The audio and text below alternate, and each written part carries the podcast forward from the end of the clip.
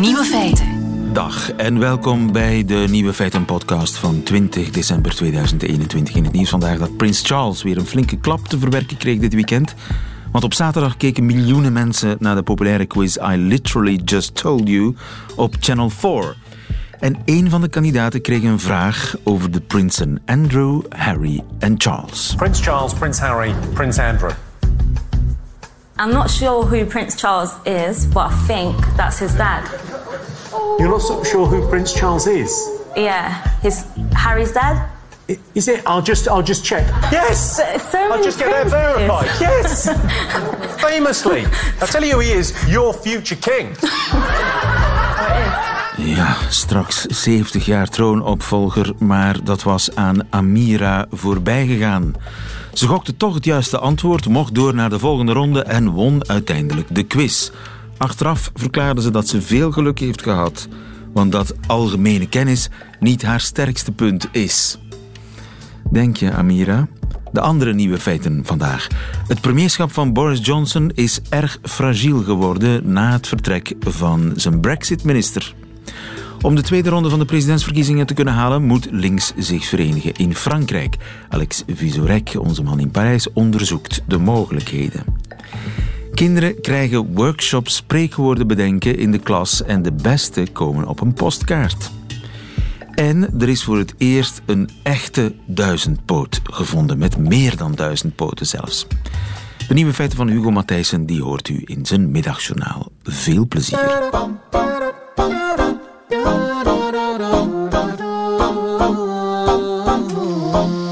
feiten. De vraag die eh, Groot-Brittannië, het Verenigd Koninkrijk, eh, deze dagen bezighoudt is hoe lang woont Boris Johnson nog in Downing Street nummer 10? Harry de Pape, goedemiddag. Goedemiddag. Onze Engeland-watcher. Het gaat niet zo goed met de politieke carrière van Boris Johnson. Dit weekend is een van zijn ministers opgestapt. Let's just bring you some breaking uh, news now. The Brexit minister, Lord Frost, has resigned tonight. Lord Frost, David Frost, may not be a household name, but his departure tonight is going to be extremely significant for Boris Johnson. The departure of the man who was the architect of Brexit for the Prime Minister whose primary aim is to get Brexit done will be another blow for Downing Street after a tricky week. Another blow after a tricky week. David Frost neemt ontslag. Wie is David Frost? David Frost was lang de hoofdonderhandelaar onderhandelaar voor de Britten eh, in het Brexit-akkoord. En hij was zelfs zo belangrijk voor Boris Johnson dat hij hem in de adelstand verheven heeft. Hè. Hij is Lord Frost intussen. En hij is intussen ook de minister geworden, of was de minister, om, voor de Brexit-onderhandelingen om die te leiden. Dus het is een zeer belangrijke man. Hij is eigenlijk de zoals je net hebt gehoord, de architect van de Brexit die eh, Boris Johnson voor ogen heeft. Ja. Maar die man is nu opgestapt. Een, een hardliner ook, hè? een Brexit hardliner. Ja, ja. In tegenstelling Ja, tot, want- tot Boris zelf, die ja, een beetje een flipflopper is wat dat betreft. Klopt, hè. bijvoorbeeld, hè, eh, heel lang is er gezegd geweest, eh, de Europese Unie mag geen jurisdictie hebben in Noord-Ierland, dus het, het Europese gerechtshof mag daar geen macht meer hebben. En blijkbaar zouden de Britten daarop toegegeven hebben, en dat is wellicht wel de aanleiding nu waarop Frost heeft gezegd, het is genoeg geweest, ik stap op. Hoewel, hij haalt zelf aan dat hij zeer slecht kan leven met de, de coronamaatregelen van de Britse regering. Dat is zijn argument in zijn ontslagbrief. Ah, hij stapt dus zo gezegd niet op wegens Brexit en de Nee. iets zachtere houding die wordt aangenomen hij door de stapt Britten. officieel op omwille van de coronamaatregelen van de Britse regering. Hij En- kan, kan niet leven met, met het idee van een nieuwe lockdown. Hij vindt dat eigenlijk allemaal eh, te, te snel en te hard gaat. Ja, want ook dat ligt op het bord van de premier. Mhm. eh, hoe om te gaan met de huidige Omicron-crisis. Hoe groot is die Ja. crisis in Engeland? Wel, dat eh, neemt enorm toe. Hè. Dus de besmettingen. Dus op, dit, ogenblik is de Omicron-variant de dominante variant in het Verenigd Koninkrijk op zeer korte tijd. Een maand terug nog was, eh, was eh, Christmas geen enkel probleem. Kerstmis zou kunnen doorgaan. Nu al vreest men dat kerstmis zal beperkt moeten worden. Dus je ziet dat op zeer korte tijd er een, een paniek ontstaat binnen het Verenigd Koninkrijk. En je krijgt een discussie natuurlijk binnen de Conservative Party, de leidende partij, tussen, ja, zal ik maar zeggen, de lockdowners is. En de mensen die zeggen het loopt veel te hard van stapel, is allemaal niet nodig. En die partij is daarin verdeeld. En Boris Johnson wordt door de, door de partij die, die zegt van hè, het gaat allemaal te snel, gezien als een zwakkeling, want hij geeft te snel toe uh, aan de, de lockdowners. En we verwijten hem ook dat hij het vooral gebruikt uh, om de aandacht af te leiden van zijn eigen politieke problemen. Ja, want er zijn nog meer politieke problemen. Het is nog niet afgelopen. hij hij nee, nee. zit ook nog eens in, in die schandalen over illegale kerstfeestjes. Hè? Inderdaad, vandaag nog in de Britse kranten verschijnt er een foto uh, waarbij Boris Johnson en zijn getrouwen in volle lockdown-tijd mei 2020 een kaas en wijn zitten te eten in de tuin, terwijl veel mensen niet eens, uh, wat was het, maximaal, uh, of ja, niet eens mensen mochten zien, zat hij daar te tafelen in de tuin van Downing Street met, met vrienden of, of met medewerkers. dus het stapelt zich op, zoals je zegt. Hè. Het, Boris Johnson lijkt zich niet te houden aan de eigen regels. Ja.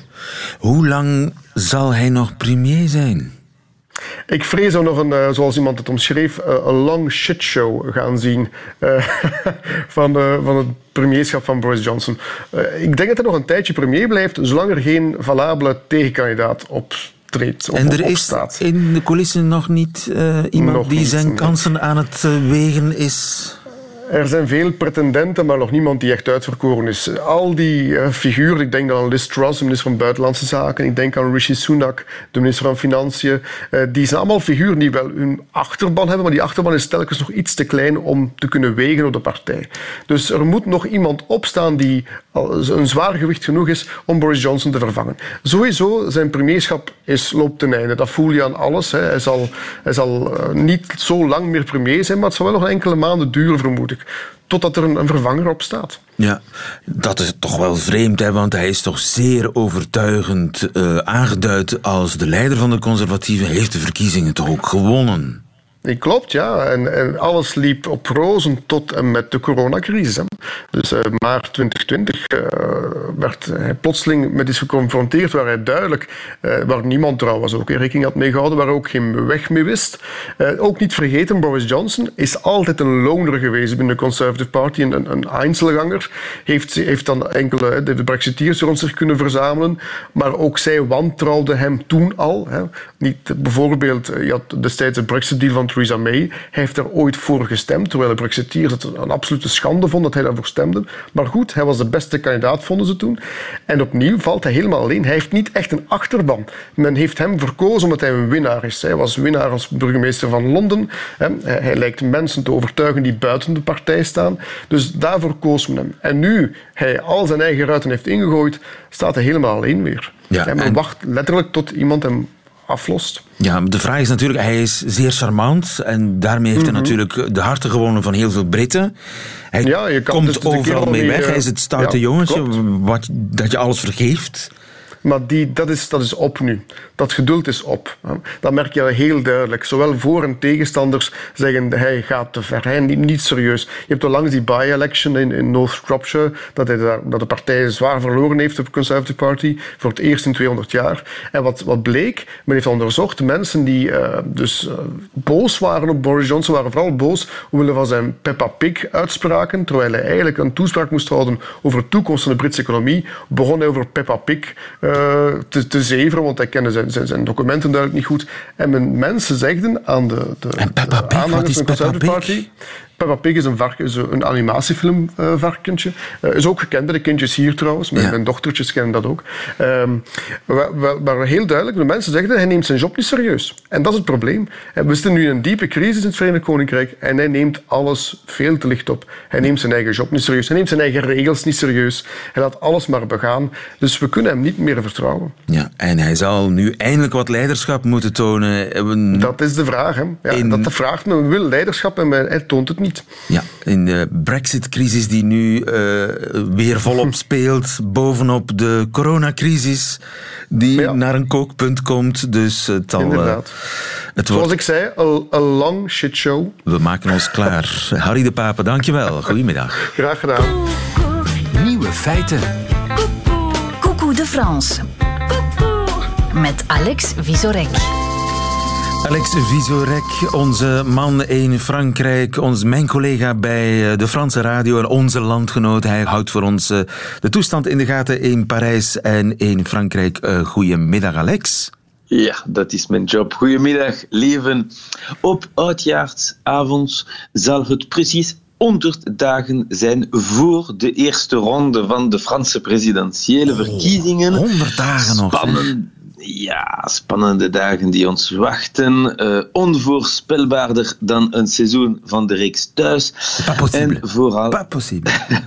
Impossible bij de linkse partijen. Die juist boeiende dagen hebben gekend. Een de linkse partijen samen- boeiende dagen gekend? Ja, een snelle samenvatting van de vorige afleveringen. Socialisten, groenen, communisten. Je hebt momenteel vijf linkse kandidaten, maar er is één probleem. Il n'y a pas un candidat qui est au-dessus euh, de 10%. Il n'y a pas un candidat de gauche qui, pour l'instant, euh, se euh, qualifie pour le deuxième tour. Et on va, euh, les bras ballants, observer ça jusqu'à quand Ja, geen enkele linkse kandidaat komt boven de 10% in de peilingen. Geen enkele linkse kandidaat die kans maakt, met andere woorden, om de tweede ronde te halen. Ja. Tot wanneer, vraagt deze man zich af, zullen we hier werkloos naar kijken? Ja, en het is niet dat niemand het zag aankomen. Maanden geleden ha- hadden meerdere beslist om zich geen kandidaat te stellen, om geen extra verdeeldheid te veroorzaken. Dit was bijvoorbeeld het geval van de populaire ex-minister van Justitie, Christian Taubira. Même les personnes qui ont beaucoup d'enthousiasme, je crois, sont capables d'être assez raisonnables pour comprendre que je ne peux pas venir contribuer à l'éparpillement. L'éparpillement. L'éparpillement, dat is het. En eh, ze weet waarover ze het heeft. Ze was al kandidaat in 2002, het jaar waarin Jean-Marie Le Pen de tweede ronde haalde, omdat er te veel linkse kandidaten waren en de stemmen te veel verspreid werden. Twintig jaar later zitten we in een gelijkaardige, paradoxale situatie. Samen zouden linkse partijen 24% van eh, de stemmen kunnen halen. Dat is een record. Daarmee ben je 200% zeker om de tweede ronde te halen. Maar sinds het begin is er één ding duidelijk. Niemand wil zich terugtrekken. Niemand wil horen van een primaire om één enkele kandidaat te selecteren. Vooral niet Anne Hidalgo, de kandidaat van de PS, Parti Socialist, die omwille van haar slechte peilingen werd uitgelachen als Madame 5%. En ondertussen Madame 5% est devenue Madame 3%. Oei, madame 5% est devenue madame 3%. Voilà, mevrouw 3%. Daardoor, uh, ze evolueert wel een beetje. Wel, ze was te gast in een ochtendshow twee weken geleden. Aujourd'hui, euh, une union qui serait perçue comme artificielle parce qu'il y a des candidats qui depuis très longtemps euh, sont euh, déclarés, ne fonctionnerait pas. Ja, die unie op links, dat zou artificieel zijn. Het zou nooit werken. Nee, dus uh, er is geen discussie mogelijk. U heeft het gehoord. Enfin, tenminste tot diezelfde dag, s'avonds, Anne Hidalgo was onverwacht te gast in Le 20h de TF1. Ma responsabilité, je la prends ce soir et je dis organisons une primaire de la gauche. Oké. Okay. Dus ze neemt toch haar verantwoordelijkheid. Une primaire de la gauche, een soort primaries à la française wil ze organiseren. Ja, dat is het. Dat had niemand zien komen. Vooral de andere linkse kandidaten. Hier, Fabien Roussel, de communiste. Nous avons tous été surpris de découvrir euh, sa déclaration. Totale verrassing. Ja. exact. Ze hebben het nieuws op hetzelfde moment vernomen als alle Fransen op televisie en waren ze enthousiast. Vraag maar aan Jean-Luc Mélenchon, meneer ongeveer 8%. Alors vous figurez que tous les jours, je vais interrompre mon repas pour répondre à ce qu'elle dit à la télévision. Hier soir, j'ai mangé mes spaghettis tranquillement jusqu'au bout. Et j'ai bien fait. Ik ga toch niet elke dag mijn avondeten onderbreken voor wat mevrouw Hidalgo op televisie te zeggen heeft. Ik heb gisteren mijn spaghetti gewoon rustig verder zitten opeten. En terecht, zei hij. Er is maar één kandidaat die positief reageerde, Arnaud Montebourg, die ook meneer 2% zou kunnen heten. Hij zei dat hij alle andere kandidaten zou bellen. Het resultaat deelde hij in een filmpje. Bonjour Jean-Luc, c'est Arnaud Montebourg. Bonjour Anne, c'est Arnaud. Bonjour Fabien, c'est Arnaud Montebourg. Bonjour Yannick, c'est Arnaud Montebourg. J'espère que ça va. Euh, écoute, ça serait bien qu'on se parle. Veux-tu me rappeler? Amitié. Oei, dat waren alleen antwoordapparaten. Vijf keer antwoordapparaten. dus samengevat.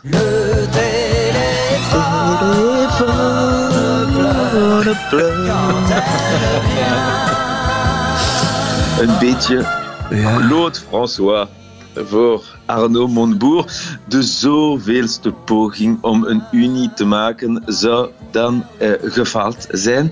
De linkse kiezer zijn hopeloos en wij naderen het einde van deze aflevering.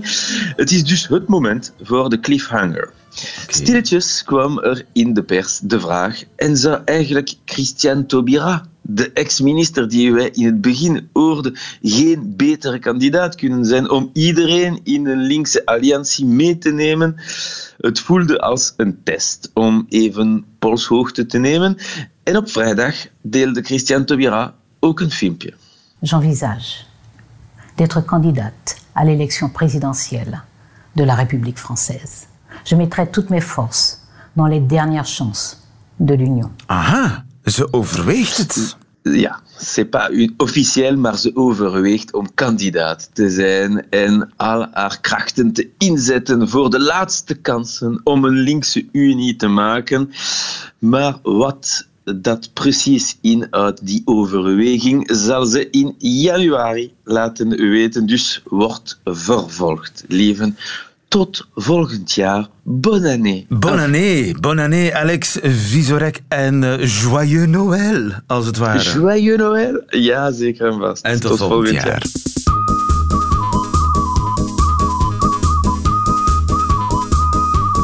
Nieuwe feiten. Voor het eerst in de geschiedenis is er een echte duizendpoot ontdekt. Thierry Bakkeljauw, goedemiddag.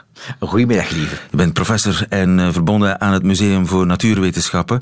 Hoeveel poten heeft die allereerste echte duizendpoot? Wel, die heeft niet minder dan 1306 pootjes. En dat is een nieuw record? Dat is een absoluut nieuw record. En het is inderdaad voor de eerste keer eigenlijk dat een veelpotige eh, echt het aantal poten eh, over het aantal poten krijgt waaraan hij zijn naam ontleent. Hè.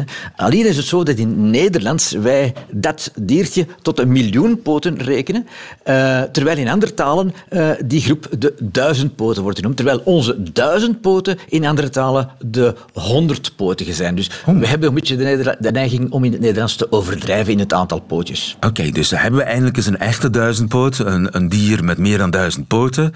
Dan noemen wij hem in het Nederlands een miljoenpoot. Een miljoenpoot, ja, absoluut. En waar is hij gevonden? Wel, het is een, een dier dat op een nogal merkwaardige plek leeft. Eh, het werd aangetroffen op ongeveer 60 meter diepte in een mijnschacht eh, in eh, westelijk Australië. En hoe ziet hij eruit? Wel, het, is, het ziet eruit als een, als een, als een gewone, moel, eh, gewone miljoenpoot. Een zeer langgerekt lichaam eh, met ruim 330 segmentjes. Hè. Met op elk segment heb je dan twee paar pootjes. Dat is heel typisch voor de miljoenpoten. En zo kan je ze onderscheiden van de duizendpoten, want die hebben maar één paar pootjes per lichaamssegment. Ja, en hoeveel Dat is een heel poten hebben duizend poten dan gemiddeld? Wel, duizend poten, het, het record bij duizend poten is iets van een driehonderdtal eh pootjes die zij gaan hebben. Ja, ja, dus duizend poten hebben, hebben maximaal een paar honderd poten. Miljoen poten hebben maximaal, eh, blijkt nu, eh, ja, iets van een 1300 eh, Ja. eh, poten. Nu, oh, oh, hij is onder de grond gevonden, dus hij, hij leeft onder de grond. Ja, hij leeft onder de grond blijkbaar. En men heeft hem ook op een bijzondere manier mm, betrapt eigenlijk. Door met speciale vallen, men noemt dat troglo-vallen. Eh, Het zijn vallen die men ontwikkeld heeft specifiek om eh miljoenpoten, duizendpoten en andere kleine organismen onder de grond te gaan bemonsteren. eh, door een eh, plastieken eh bokaaltjes, als je wilt, met daarin gaten eh, en daarin ook eh, rottend plantenmateriaal aan een nylon touw in die schachten neer te laten en dan daar gedurende een paar weken tot een paar maanden die vallen te laten staan, zodat de, de diertjes worden aangetrokken door de geuren van het rottende plantenmateriaal en ze gaan dus in, in die bokaal kruipen En daarna een paar weken of een paar maanden gaat men die pokalen gewoon terug ophalen hè, via dat nylontouw uh, en kunnen gaan bestuderen wat er, uh, welke dieren allemaal in de pokalen gekropen zijn. Ja, en dat is tientallen meter onder de grond, zeg? 60 meter onder de grond, ja, absoluut. Uh, nu, dat is ook weer zo een, een, gebied, een zeer merkwaardig uh, biotoop natuurlijk, maar daar zit wel meer organismen die, die, die men specifiek ja, ver of diep onder de grond aantreft. Net zoals men ook natuurlijk organismen aantreft heel diep op de oceaanbodem. Hè. Eh, dat kan soms tot kilometers diep zijn. Eh, en daar vindt men dan heel bijzondere fauna's. En ook hier, dus die fauna's in mijnschachten, eh, ja, die zijn heel bijzonder. En die zijn speciaal aangepast aan het leven onder de grond. En dat zijn mijnschachten, dus die, die mijnen, zijn dat mijnen die nog in gebruik zijn? Of, of uh, die in de toekomst deze, gaan? De, deze mijnschacht was nog in gebruik. Hè. Uh, en het spreekt vanzelf de, de, biologen kunnen die mijnschachten maar bestuderen van zodra er mensen die mijnschachten hebben aangelegd natuurlijk. Hè. Dus uiteraard is het gebruik meestal, uh, loopt dat voor op de, het bestuderen ervan uiteindelijk. Ja. En uh, hebben die diertjes last van eventuele mijnontginning? Dat kunnen we moeilijk zeggen, maar het is wel degelijk zo dat men, men gaat er meestal van uit dat die, ja, die zeer speciale biotopen, zoals hier diep onder de grond of op de diepzee, uh, dat dat biotopen zijn die relatief ongestoord zijn gebleven uh, van menselijke invloeden. Maar men stelt toch vast dat ook op die grote, of die speciale uh, biotopen, dat ook daar, als men daar grondiger gaat onderzoeken, dat ook daar toch wel de invloed van de mens soms heel drastisch kan zijn. En bij dit dier hier, hè, dus de, die, deze nieuwe miljoenpoot, ja, daar gaat men van uit, en ja goed, dat de, de, de mogelijke invloed van de mens opnieuw weer nefast zou kunnen zijn. Net zoals de invloed van de mens op het diepzeeorganisme, ja, eigenlijk wellicht veel groter is dan men tot nog toe aannam. Ja, en het zijn dieren die niet uh, overdreven veel fanclubs hebben. Het zijn een beetje ondergewaardeerde dieren, hè?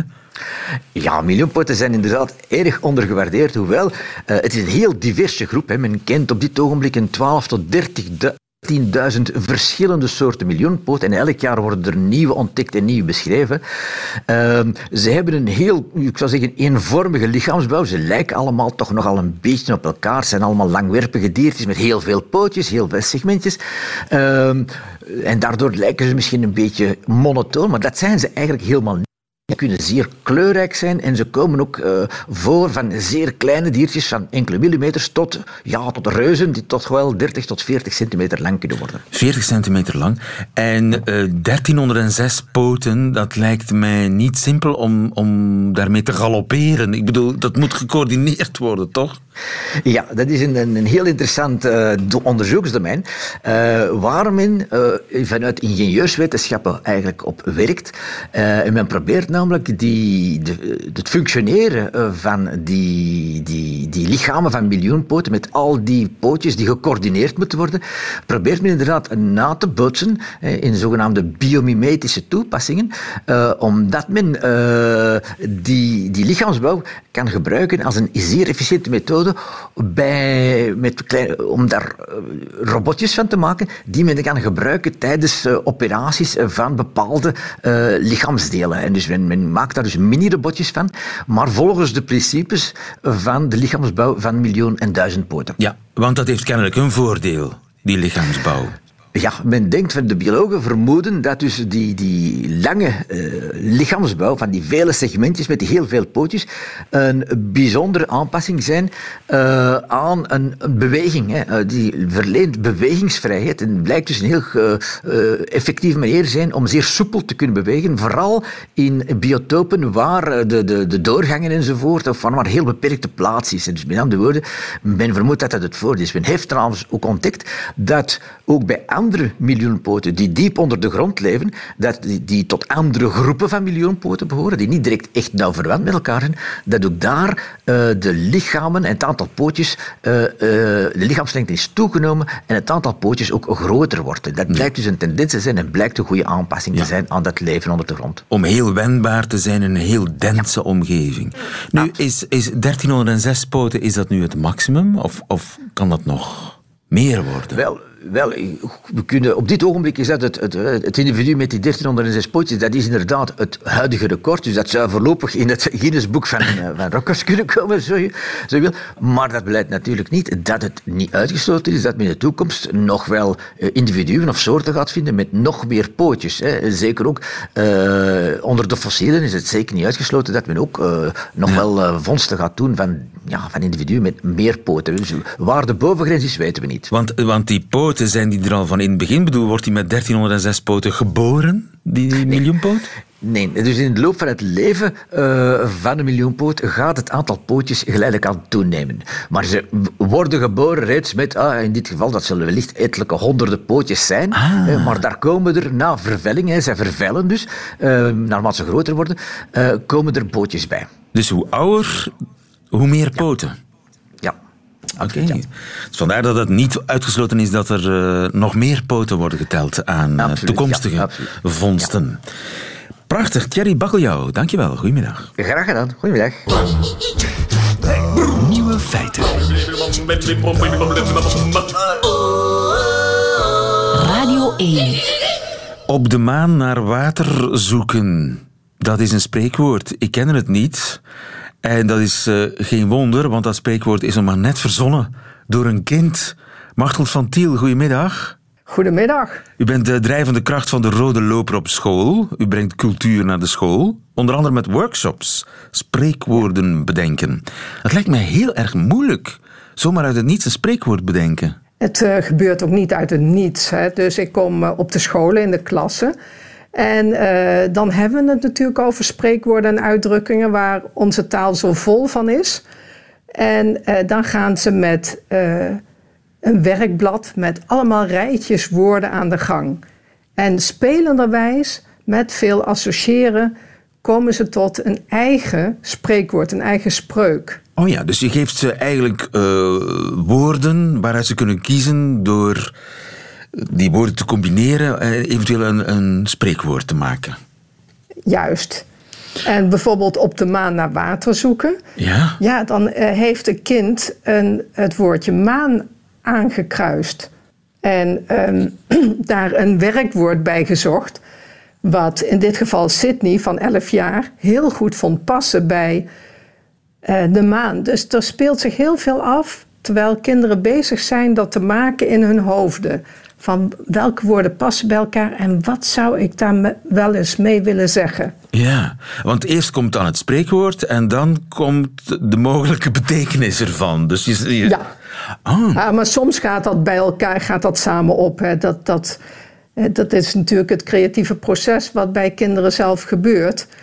En het, uh, soms gebeurt het ook dat ze iets, een hele mooie uh, wijsheid hebben verzonnen maar nog echt niet weten wat het betekent. En dan ja. met elkaar bedenken. Ja, uh, creativiteit aansporen, dat is eigenlijk de bedoeling, neem ik aan, hè? Van, uh, van, ja, van je met, hele organisatie. Ja, ja. Creativiteit uh, losmaken en kinderen ontdekkingen laten doen wat voor mogelijkheden ze allemaal hebben. En gebeurt dat sowieso op school niet genoeg dan? Um, nee, te weinig. Het is te veel nog de nadruk op het cognitieve, hè, op leren, uh, schrijven, rekenen, uh, aardrijkskunde, geschiedenis, noem maar op. En juist voor die uh, cultuureducatie, voor de kunstvakken, waardoor je enorm veel leert ook, dat, dat zit er nog te weinig in in het onderwijs. En dat moet van buitenaf komen. Uh, dat is toch een beetje uh, jammer, hè? dat het, het, kennelijk niet prioritair is voor de school zelf. Nou, ik denk dat op het gebied van taal misschien wel het een en ander gebeurt. Zeker in België, denk ik. Want ik vind altijd dat daar bijvoorbeeld het poëzieonderwijs echt heel goed uh, gegeven wordt. Maar dat is hier in Nederland toch echt wat minder. Op de maan naar water zoeken, wat betekent dat? Ja, dat betekent, Sydney heeft zijn betekenis eraan gegeven. Blijf altijd proberen, je weet maar nooit. Oké, okay, dus het is niet, het is zinloos op de maan naar water zoeken. Nee, wie weet vind je water op de maan. Ja, ja, ja heel optimistisch ingesteld, want uh, we weten het niet, hè? En er zijn nog spreekwoorden. Ik lees onder water waait het niet. Ja, dat, dat is een spreekwoord en dat is bedacht door Daphne. Daphne is tien jaar. En haar spreekwoord, onder water waait het niet, betekent... je hoeft je geen zorgen te maken over dingen die niet gebeuren. Nu, eh, die, die spreekwoorden die komen allemaal op een tegel. Ja, al die spreekwoorden komen op uh, tegels. Dat, uh, de, de, workshop die bestaat dus, of dit project bestaat uit een paar lessen. En uh, het is zo dat in de laatste les zetten de kinderen, die hebben dan inmiddels ook uh, lettertekenen gehad. En hoe ze hun spreekwoord mooi kunnen op een tegel kunnen ontwerpen. Dus op het eind van het project hebben de kinderen allemaal een tegel met hun eigen wijsheid erop. En wij hebben een selectie gemaakt met de rode loper op school. En we hebben een uh, zestiental uh, eigen wijsheden, zoals we die noemen, uh, op aanzichtkaarten gezet. En die aanzichtkaarten die zijn nu te koop en die kan je eventueel als kerstkaart nog versturen, veronderstel ik. Uh, dat kan zeker, maar dan moeten ze wel heel snel besteld worden bij de Rode Loper op school. Over een nieuwjaarskaartje, wie weet uh, ja. hoe mensen die uh, aanzichtkaarten, die postkaarten kunnen bestellen. Dat zetten wij op onze site. Dankjewel, Machteld. Machteld van Tiel van de Rode Loper op school. Goedemiddag. Goedemiddag. Feiten.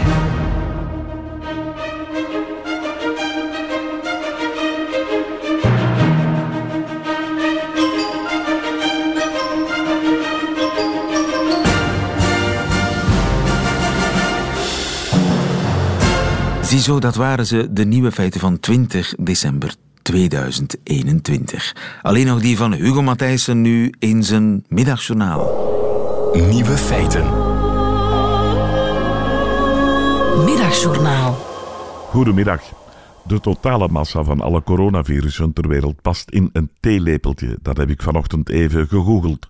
De berekening werd in oktober van vorig jaar gemaakt door de Engelse wiskundige Matt Parker. Het virus heeft het voorbije jaar natuurlijk niet stilgezeten, maar het past inmiddels vast nog wel in een chocopot, liefst zo'n glazen exemplaar met een stevig deksel, zodat het nooit meer kan ontsnappen.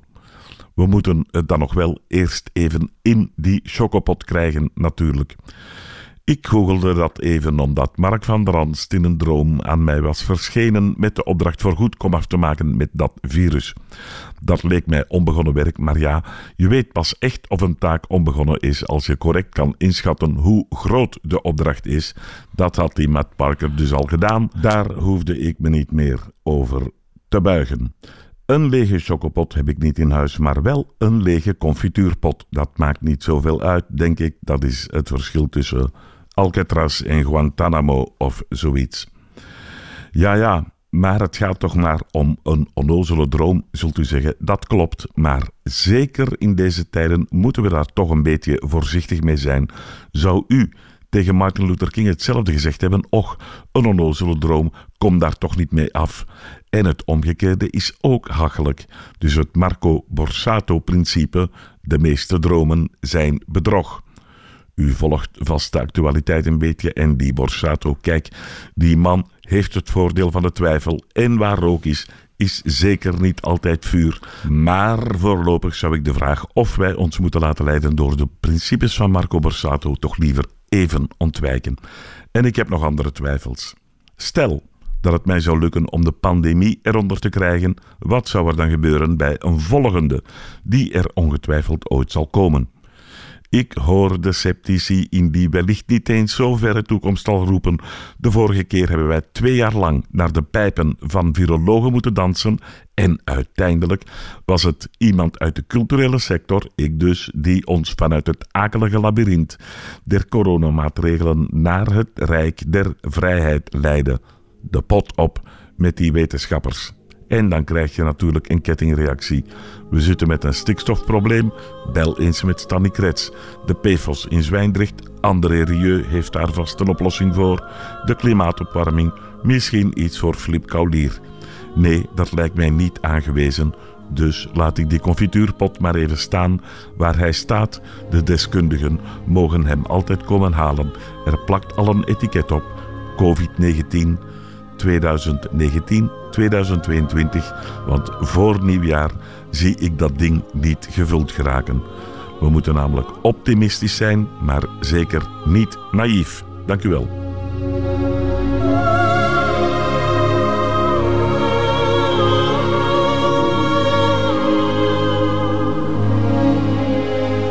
Het zal je maar overkomen.